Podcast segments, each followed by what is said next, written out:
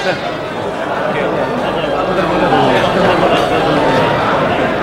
الله الرحمن الرحيم. أحمدك ربي على ما أكملت لنا من دين وأتممت علينا من نعمة ورضيت لنا من إسلام. وأصلي وأسلم على خير خلقك. سيدنا محمد رحمة الله للعالمين ومسك الختام لسائر الأنبياء والمرسلين. وبعد فقد وقفنا في اللقاء السابق عند قول الله سبحانه وبشر الذين آمنوا وعملوا الصالحات أن لهم جنات تجري من تحتها الأنهار. وقلنا إن تلك البشارة وردت بعد وعيد الكافرين بالارتياب في رسالة محمد صلى الله عليه وسلم فأنذرهم الله بقوله فاتقوا النار التي وقودها الناس والحجارة. ولما كان ذلك نصيب المكذبين برسالته صلى الله عليه وسلم كان منطق التقابل أن يأتي بما يبشر المؤمنين برسالته صلى الله عليه وسلم. وليس بعد الإنذار لمن كفر إلا البشارة لمن آمن. حين يقول الله وبشر فهو القادر على أن ينفذ ما بشر به. فلم يبشر بشيء تعجزه القدرة أن يكون أو يطرأ عليه عدم وجود الإمكانيات لما يكون. وذلك هو الفارق بين بشارة الحق وبشارة الخلق إن بشروا. فقد يبشرك من أحبك بشيء يسرك ولكنه ساعة يقع في موقف التنفيذ لا تمكنه قدرته ولا يمك تمكنه إمكانياته أن ينفذ ما بشر به. فحين نستقبل وبشر من الله فذلك إخبار بشيء سارد مؤكد أن يقع. لأن الذي بشر به لا تخرج عن قدرته أية حركة من حركات الحياة والإمكان. والمبلغ للبشارة صادق لأنه مؤيد بالمعجزة. نتيجة لذلك المبشر والمبلغ للبشارة أن ما نبشر به أمر يجب أن نطمئن إليه اطمئنان الواثق بحدوثه. وذلك هو الإيمان. ألا ترون أن حذافة حينما قال له رسول الله صلى الله عليه وسلم كيف أصبحت؟ قال أصبحت بالله مؤمنا حقا. قال رسول الله لكل حق حقيقة. فما حقيقة إيمانك؟ يريد رسول الله أن يعلمنا الجواب من حذافة. حتى لا نطلق الكلام على عاهنه. بغير رصيد إيماني يعطينا حقيقة اليقين. فحين يقول له أصبحت بالله مؤمنا حقا يسأله عن حيثيات هذه الحقية. فيقول وما حقيقة إيمانك؟ قال عزفت نفسي عن الدنيا. فاستوى عندي ذهبها ومدرها. ذلك ما كان من أمر الدنيا. وكأني أنظر إلى أهل الجنة في الجنة ينعمون وإلى أهل النار في النار يعذبون. كأنه يراها بمجرد الإخبار من الله يراها حقيقة واقعة لا مرية فيها فيجد إخبار الله بها مثل تصديق عينه برؤيتها. وذلك هو مناط الإيمان في الإخبار عن الله. ألم تروا إلى قول الله؟ ألم ترى كيف فعل ربك بأصحاب الفيل؟ أرسول الله رأى ما فعل الله بأصحاب الفيل؟ يقول المفسرون ألم ترى يا محمد ما فعل ربك بأصحاب الفيل؟ أي ألم تعلم؟ فكيف عبر الله بدل ألم تعلم بألم ترى. لأنه يريد أن يعلمنا. أنه حين يعلمنا الله بشيء فكأننا نراه رأي العين. تلك هي البشارة.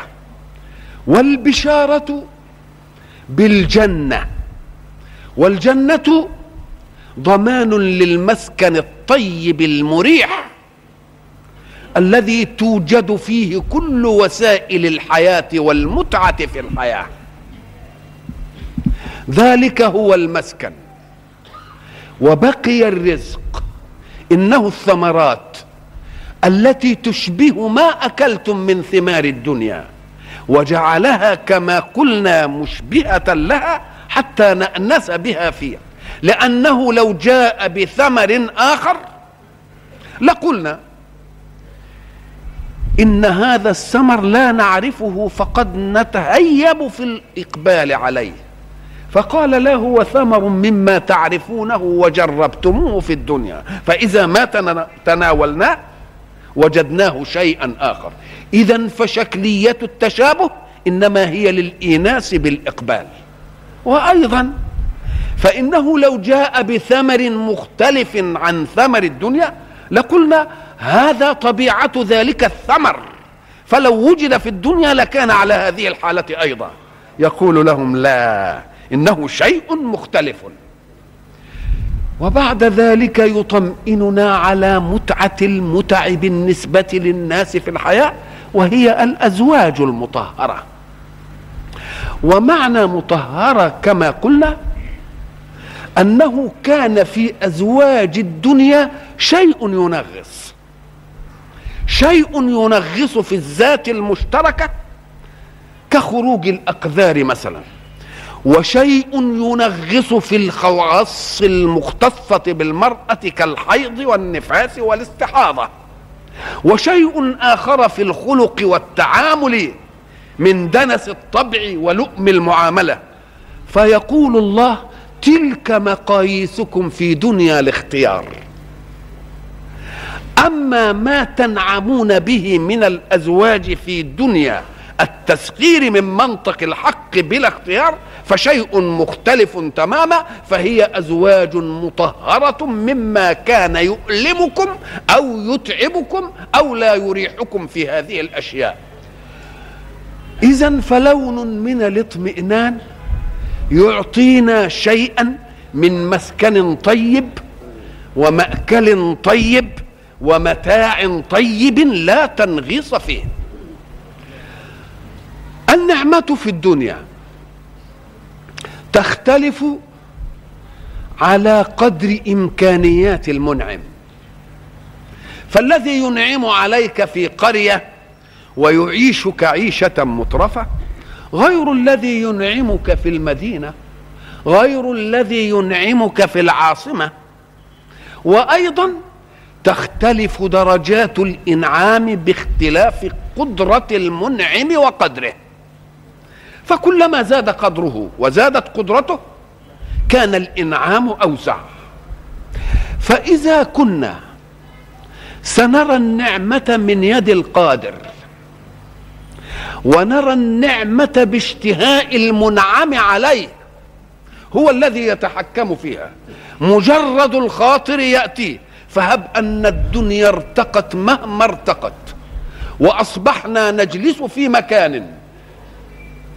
نضع أصبعنا على زر كهربي لتأتينا قهوة. وزر آخر ليأتينا شاي. وزر آخر ليأتينا طعام. ونحن جالسون في أماكننا. أيوجد في أعراف إمكانيات البشر أن يطرأ على فكرك الشيء الذي تشتهيه فيأتيك بمجرد طروئه على فكرك. ذلك ما تقف عنده إمكانيات البشر. وبعد ذلك منغصات النعمة ماذا؟ منغصات النعمة كما نقول أن تخاف أن تفوتك النعمة أو أن تفوت أنت النعمة. وكل نعمة في الحياة إما فائتة منك وإما أنت فائت عنها. تلك هي منغصات كل نعمة. فبعد أن يطمننا الله على سمو النعمة وبقائها في أنها عطاء غير مجزوز يقول لك أيضا أنك لن تفارق النعمة. فمصدر الخوف من الجهتين نعم متتالية لا تنقطع. اذا فقد أمنت أن تفوتك النعمة وبقي أن تأمن أن لا تفوت أنت النعمة. فيطمئنك الله سبحانه بقوله فيها خالدون. اذا فقد طمأننا على بقاء النعمة لنا وبقائنا مع مع النعمة. هنا شيء يتلقفه المستشرقون ليدخلوا به على جنس من أجناس الإسلام هو المرأة. فيقول إن الله في الجنة ظلمكن ايها أيتها النساء. لأن الله جعل للرجال زوجات مطهرات وجعل للرجال حورا حينا. وأنتم ما حظكم؟ كل هذا ليثبتوا أن الله خص الذكورة بشيء من النعمة ولم يخص النساء بنعمة مماثلة لها. ودخلوا من جهة يظنون أنهم يستميلون بها المرأة ليحرضوها على الإسلام. ونسوا أن الله سبحانه وتعالى في ذلك يكرم المرأة.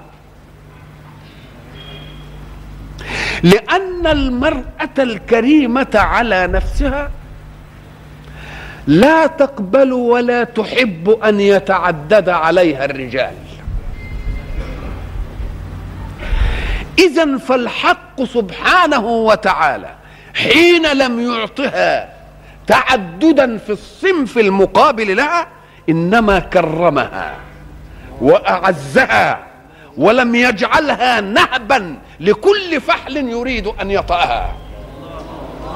وإننا لنجد أيضا في نساء الدنيا من تسمو نفوسهن وتأبى كرامتهن حتى إذا مات زوجها أن يتعدد عليها رجل آخر ولو بما أحل الله.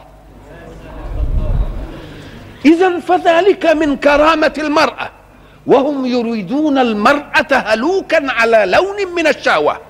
فهم يريدون أن يدخل أن يدخلوا في روعها أن الله حرمها ذلك ونسوا أن الحق سبحانه وتعالى كرمها بهذا تكرمة تشهد لها بأنها عفيفة وبأنها عزيزة لا تحب أن يتعدد عليها الرجال. قلت لمن سألني مرة ونحن في أمريكا. وقد جاء لي بهذا الاعتراض واعتراض تعدد المرأة بالنسبة للرجل وعدم تعدد الرجل بالنسبة للمرأة. عدوا النقاش إلى شيء يتعلق أيضا بالدنيا. قالوا لماذا تتعدد المرأة في الزواج من رجل واحد؟ ولا يتعدد الرجال على المرأة الواحدة. مقابلة. قلت لهم سألتكم بالله. أعندكم في بلادكم إباحة للبغاء؟ قالوا هنا في بعض الولايات إباحة للبغاء. فقلت فكيف تحتاطون لصحة الناس؟ قالوا بالمباشرة الصحية. يكشف على الفتاة التي تتعرض لذلك كل أسبوع مرتين وتفاجأ بما لا حصر له ولا عد لنتأكد من سلامتها من الأمراض. لنضمن صحة المترددين عليهن. قلت نعم. كلام جميل. هل كشفتم على كل امرأة متزوجة؟ كل أسبوع ولو مرة أو كل شهر ولو مرة قالوا لا. ولماذا؟ لا تكشفون على المرأة المتزوجة ولو كل شهر مرة. قالوا لأنها لا تتعرض لميكروب خبيث أبدا. قلت ولم ذلك؟ قال لأن الماء ماء واحد وهو ماء الزوج. إذا فالخبث في الأمراض لا يتعدد إلا من تعدد ماء الرجال في المكان الواحد.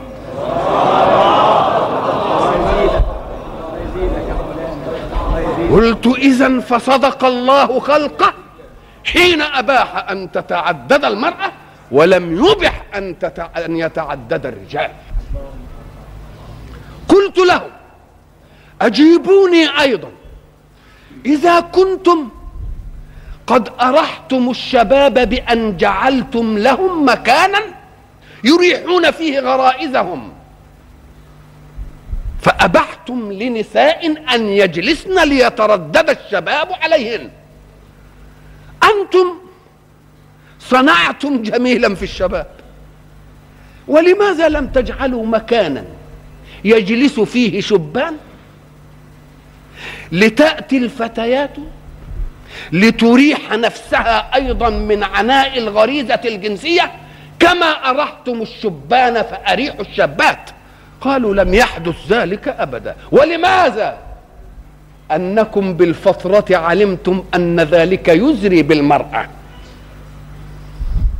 فلم تصنعوا هذا مع كونكم ملحدين وكافرين بالله؟ اذا فالفطرة السليمة لا تفكر في هذا الأمر اطلاقا بأن يجلس شبان لتأتي فتيات لتريح انفسهن ليرحن أنفسهن من عناء الغريزة. إذا فحين ياتي الحق ليعطي الأزواج زوجات مطهرة ولا يأتي بذلك المرأة فذلك معناه امتداد لصيانة كرامة المرأة وعزة المرأة. وحينئذ نحسن الظن بكل ما شرع الله لنا في الدنيا ونحسن الظن بكل ما أعد الله لنا في الآخرة.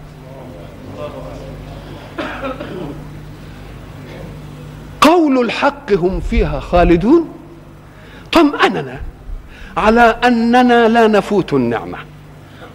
وإذا كنا خالدين في النعيم فلماذا لا نقارن زمن تقييد التكليف؟ والتكليف زمنه محدود بعمر الإنسان في الأرض. ليأخذ نعيما غير محدود في لقاء ربه في الجنة الآخرة. كل عملية في الحياة تأخذ تعب زمن يسير لتعطي راحة زمن أكبر. فإذا كان التكليف في هذه الحياة يكلفني حينما أبلغ سن الرشد أو سن التكليف وبعد ذلك أظل مكلفا طيلة عمري في متوسط الأعمار خمسة وستين لآخذ شيئا من نعيم أبدي لا نهاية لزمانه ولا نهاية لإمتاعه. ماذا يكون الموقف؟ إنها اذا تجارة رابحة. يبقى قول الله هل أدلكم على تجارة تنجيكم من عذاب أليم؟ تؤمنون بالله واليوم الآخر؟ لأن التجارة معناها أن تشتري شيئا بثمن بسيط ثم تبيعه بثمن أوفى. الحق سبحانه وتعالى حينما عرض قضية النفاق بعد قضية الإيمان وقضية الكفر ضرب لنا مثلين. مثلهم كمثل الذي استوقد نارا أو مثل آخر أو كصيب من السماء. حين يضرب الله الأمثال للناس؟ الكافرون واليهود والمنافقون يحاولون أن يقيموا ضجة. وخاصة بعد أن ضرب الله المثل بأشياء هي في نظرنا ضعيفة. لا أقول حقيرة. هي في نظرنا بالمقياس الحجمي الكمي ضعيفة.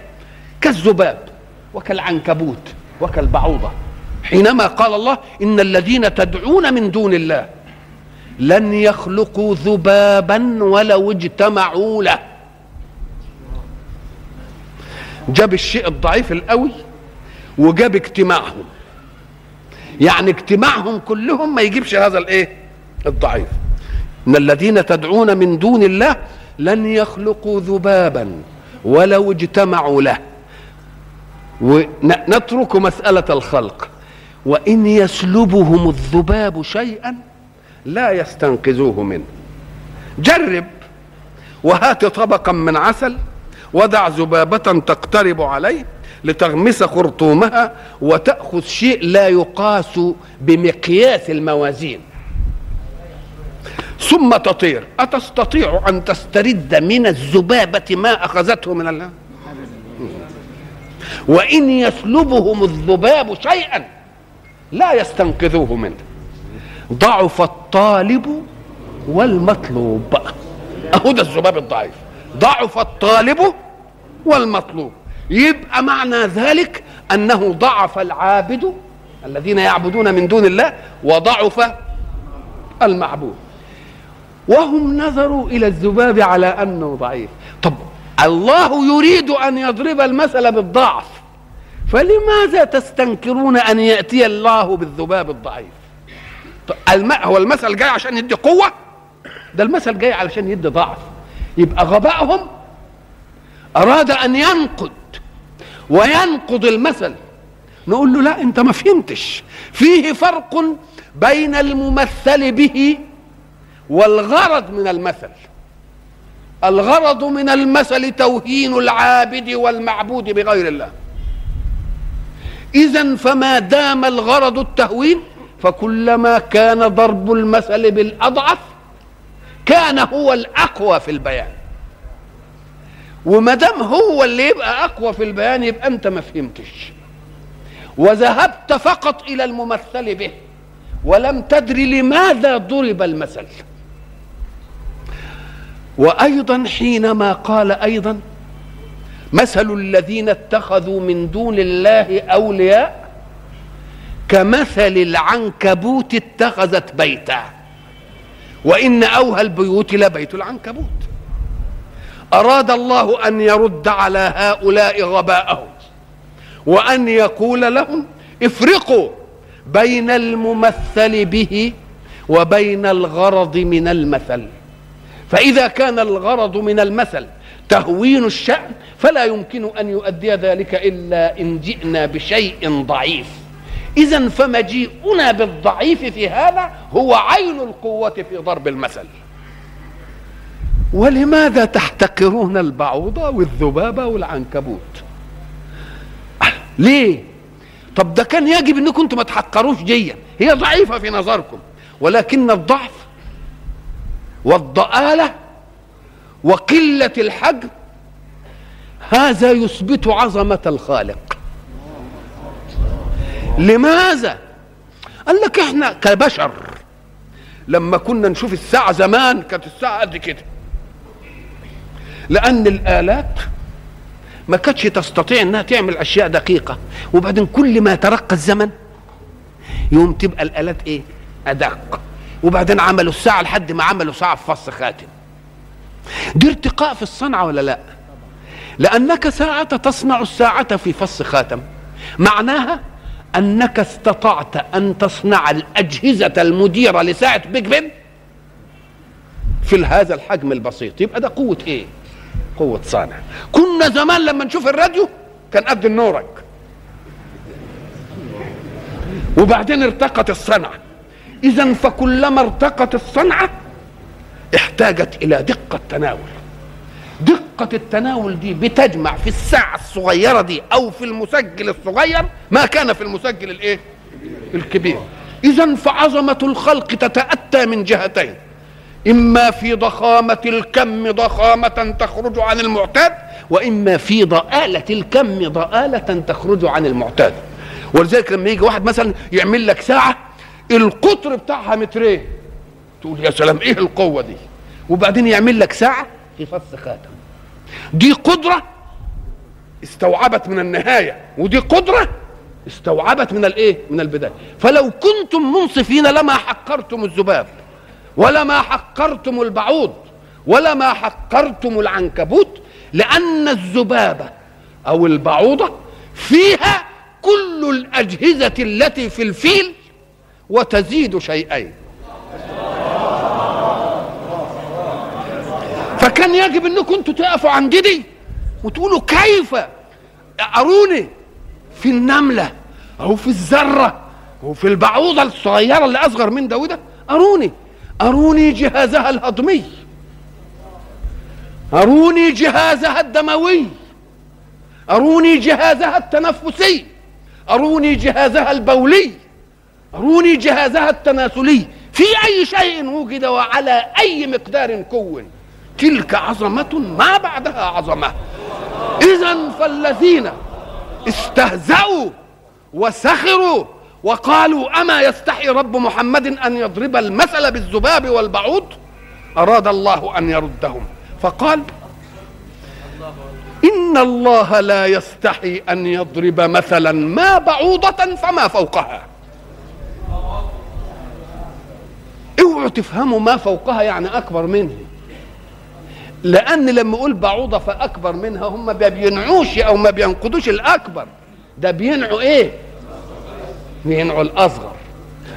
لما تيجي تشوف فما فوقها أي فما فوقها في آه فما فوقها في الصغر.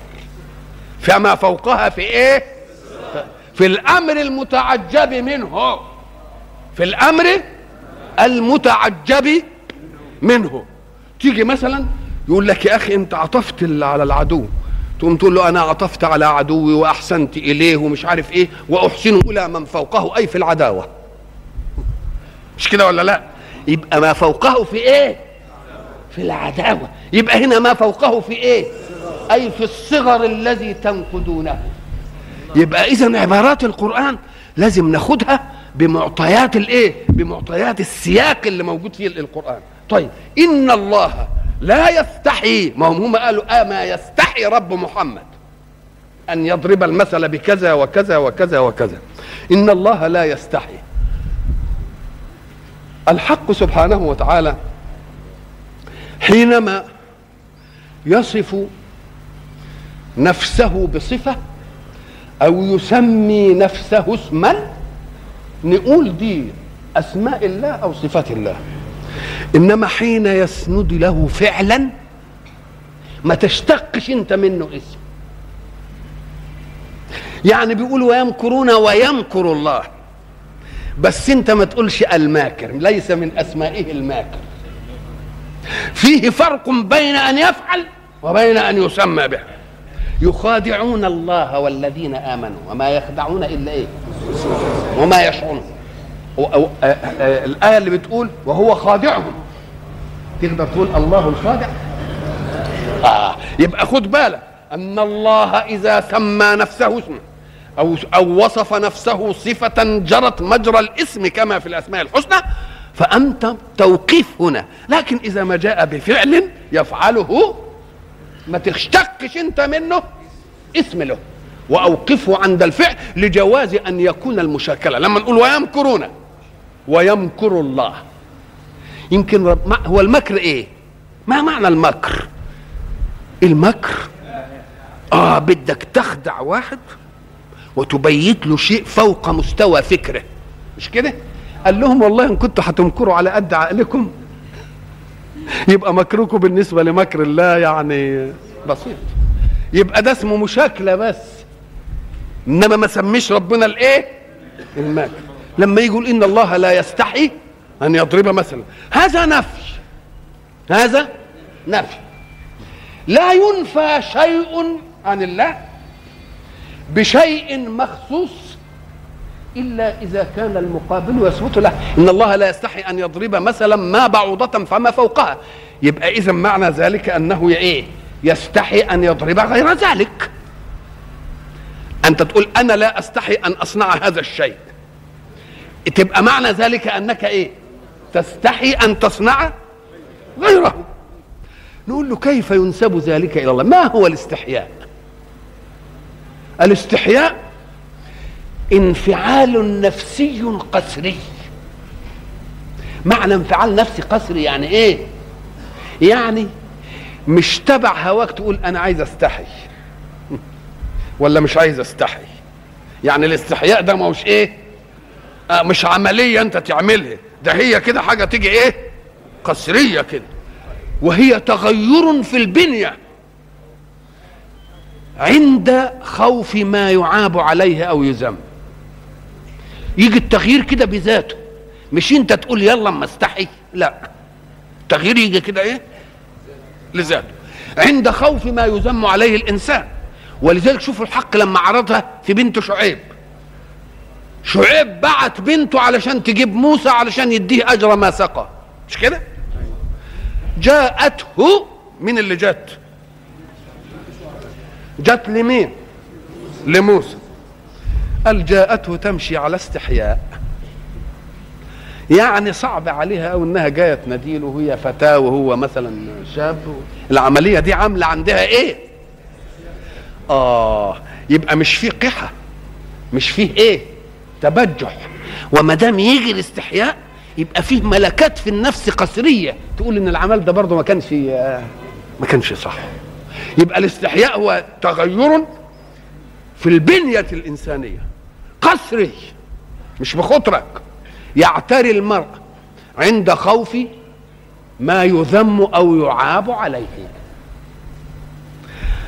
فيه أشياء لو نظرنا إليها لوجدنا مثلا التشريع بيجي لنا في أشياء يقول لي ما تعملش دي ما تعملش دي ما تعملش دي. في ناس قال لك والله لو لم يحرمها الله لاستحى الإنسان أن يفعلها. آه. لو لم يحرمها الله لاستحى الإنسان أن يفعلها. ولذلك جه الراجل العارف بالله قال إيه؟ قال أنا تركت المعاصي أربعين سنة مروءة. تركت المعاصي أربعين سنة مروءة. يعني لأنها ما يصحش إن الواحد إيه؟ ثم أدركني الإيمان. يعني بعدين ابتدأت أعملها علشان الإيمان قال لي ما تعملهاش. إنما هي إيه؟ وبعدين قال واحد تاني يقول إيه مثلا؟ يقول لك رأيت المعاصي نزالة. رأيت المعاصي نزالة. فتركتها حتى استحالت عبادة. تحولت عبادة. إنما هي في ذاتها إيه؟ هي في ذاتها نزالة. يعني لو لما كانش ربنا حرمها كان يجب على الإنسان.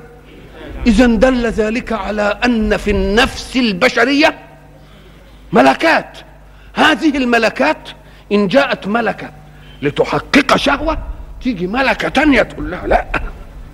ولذلك لما تيجي تقرأ القرآن تقوم تخرج منها بهذه النتيجة. مثلا ابني آدم إذ قرب قربانا فتقبل من أحدهما ولم يتقبل من الآخر. قال إيه؟ لأقتلنك. كيف يتقبل قربانك؟ وقرباني أنا لا يتقبل لا أقتلنك. غباء. طب أنت بتقول فتو ما دام تقبل اللي قبله مين؟ طب هو ماله ده ذنبه إيه بقى؟ مالوش ذنب بقى؟ فشوف الرد الجميل. قال له إنما يتقبل الله من الإيه؟ من المتقين. إنما يتقبل الله من. خلاص؟ قال له أنا هقتلك. قال له لئن بسطت إلي يدك لتقتلني ما أنا بباسط يدي إليك لإيه؟ لأقتلك. إني أخاف الله إيه؟ شوف بقى المقابل اللي عايز يقتل. قال فطوعت له نفسه قتل أخيه فقتله. طوعت؟ طوعت يعني إيه؟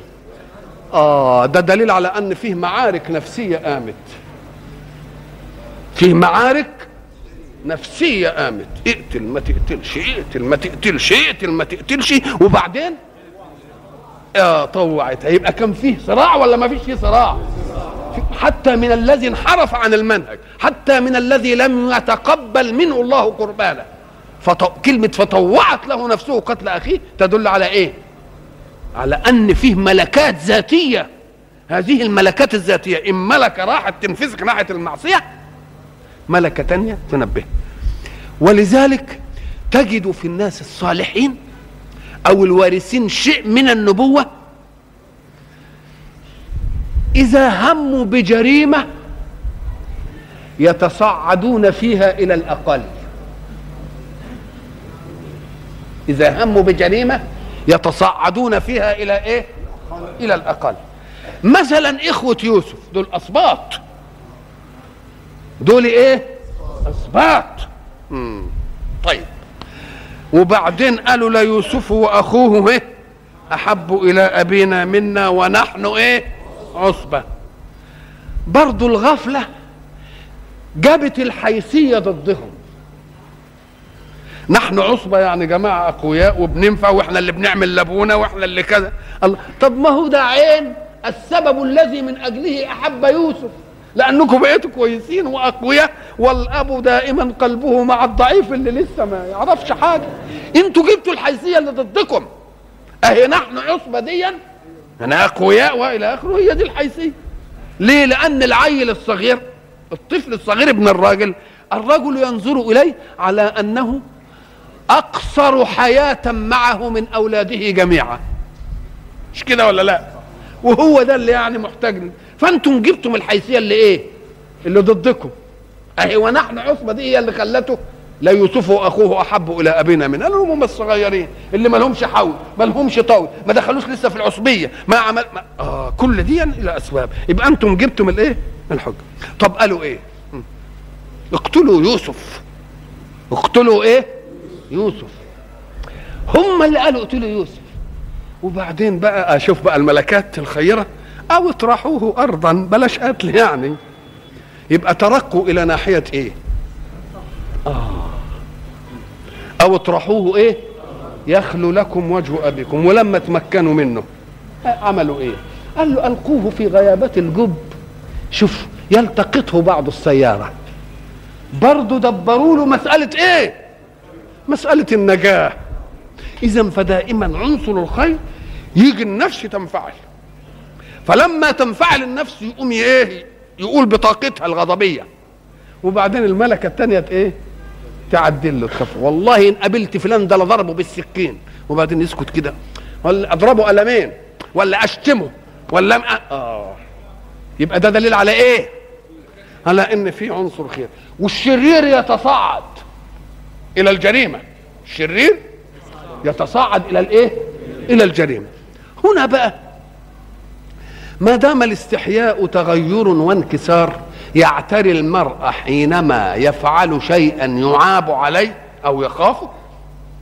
نقول له طيب دي بالنسبة لله تيجي إزاي؟ ده معنى يعاب عليه أو يخافه؟ يبقى أكن في قانون معمول ودي عيب ودي غير عيب عيب. طب مين اللي هيعمل لربنا قانون يقول له ده عيب وده مش عيب؟ يبقى اذا الاستحياء بمعناه الحقيقي لا يتأتى. إنما لما قالوا أما يستحي رب محمد قال لهم لا يا سيدي أنا مش هستحي. يبقى أنا لا أترك ضرب المثل لأن غباءكم ما يسيطرش عليا ويخليني أخرج عن القصد المراد به تحقير معبوداتكم ولازم أجيب أتفه شيء في نظركم. ده كان يجب ان كنتوا تفهموا أنكم حينما نقدتم أني أتيت بالذباب وبالعنكبوت وبالبعوض؟ تفهموا من دي إن ذلك شدة تحقير لكم على فهمكم. وإن كان في الواقع هي ليست إيه؟ ليست حقيرة لأنها خلق الله وخلق الله بصنعته الدقيقة المحكمة. فللإنسان أن يأخذ منها عبرة تعلي قدرها على مقدار من حط مقدارها. إن الله لا يستحي أن يضرب مثلا. كلمة ساعة ما تقول يضرب مثلا كلمة الضرب دي الضرب دي إحنا نفهم منها إيه؟ مش كده ولا لأ؟ طيب. وبعدين توس توسع فيها. فقال لك على النقود مثلا ضربت كنت تقروا زمان إيه؟ ضربت في إيه؟ في مصر. لأن لما كانوا يصكوها في القالب زمان لما كانوا يصكوها في القالب زمان يعملوا إيه؟ يضربوها كده. ليه بيضربوها الضربة دي ويصكوها كده؟ علشان تبقى معترف بيها وتنتشر وتسير في في الناس. اذا الضرب ده لون من الاعتماد. لون من الايه من الاعتماد. والضرب أيضا بعد أن يعطيك الاعتماد هينشا من اعتماده أن يسير في الناس يبقى معترف به. يعني مش مزيف. طيب. ما دام هيبقى بالشكل ده ويبقى يسير ربنا جعل الضرب في الأرض اللي هو السير فيها. وآخرون يضربون في الإيه؟ يبتغون من إيه؟ من فضل الله. وكلمة يضربون في الأرض يعني يسيرون فيها بقوة بحيث تضرب أقدامهم الأرض بقوة. ولذلك يقول امشوا في مناكبها وكلوا إيه؟ كلوا من رزقه يبقى هذا الضرب في الإيه؟ في الأرض. ضرب المثل معناه أن يأتي بمثل يبين الممثل به بيانا دقيقا مناسبا له بحيث يشيع على الألسنة بحيث يشيع على الألسنة. ولذلك يقول لك الأمثال الإيه؟ الأمثال الشاردة. الأمثال دي كانت باب عند العرب. كنا تعرضنا لها مرة وقلنا إن حادثة تحصل. وبعد ذلك يقال فيها كلام موجز يضمن معنى الحادثة بلطف. فنأتي لكل حال مماثلة لهذه الحادثة ونقول ده مثل ونضرب المثل.